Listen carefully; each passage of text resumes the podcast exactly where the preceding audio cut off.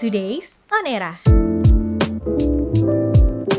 Halo Eramania, selamat datang kembali di Today's On Era bersama gue Alma Gimana nih kabarnya? Semoga di mana pun lo berada, lo baik-baik aja ya Eramania, udah buka sosial media belum nih? Kalau misalnya belum dan lo ketinggalan, di dunia maya kembali rame nih Eramania Terutama di Twitter di sana bermunculan cuitan mengenai Rahel V-nya. Aduh Buna, kenapa lagi sih Buna? Seperti yang kita ketahui nih, Buna tersandung kasus karena tidak mematuhi peraturan kekarantinaan. Jadi ceritanya, Buna nih abis melancong dari negeri Paman Sam. Seharusnya dia karantina selama 14 hari. Eh, kok belum 14 hari? Udah bisa jalan-jalan lagi.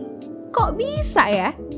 Nah, akhirnya terungkap nih Ramania, siapa sih sebenarnya dalang dibalik keluarnya Rahel V-nya dari karantina.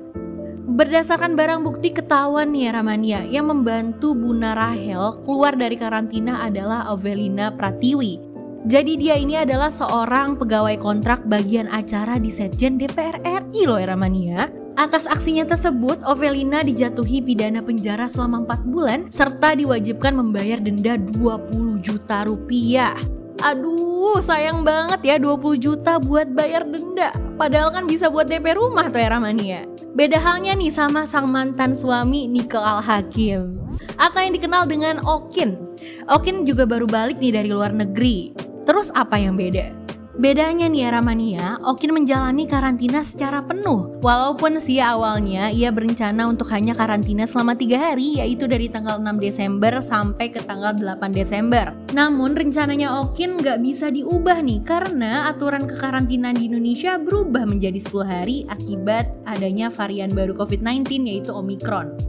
Karena masih dalam karantina, Okin terpaksa harus merayakan ulang tahun putra sulungnya, Sabiru secara virtual nih Ramania. Meskipun berat ya, tapi Okin tetap menjalani karantina sesuai aturan pemerintah. Waduh, emang idaman ya Okin ya.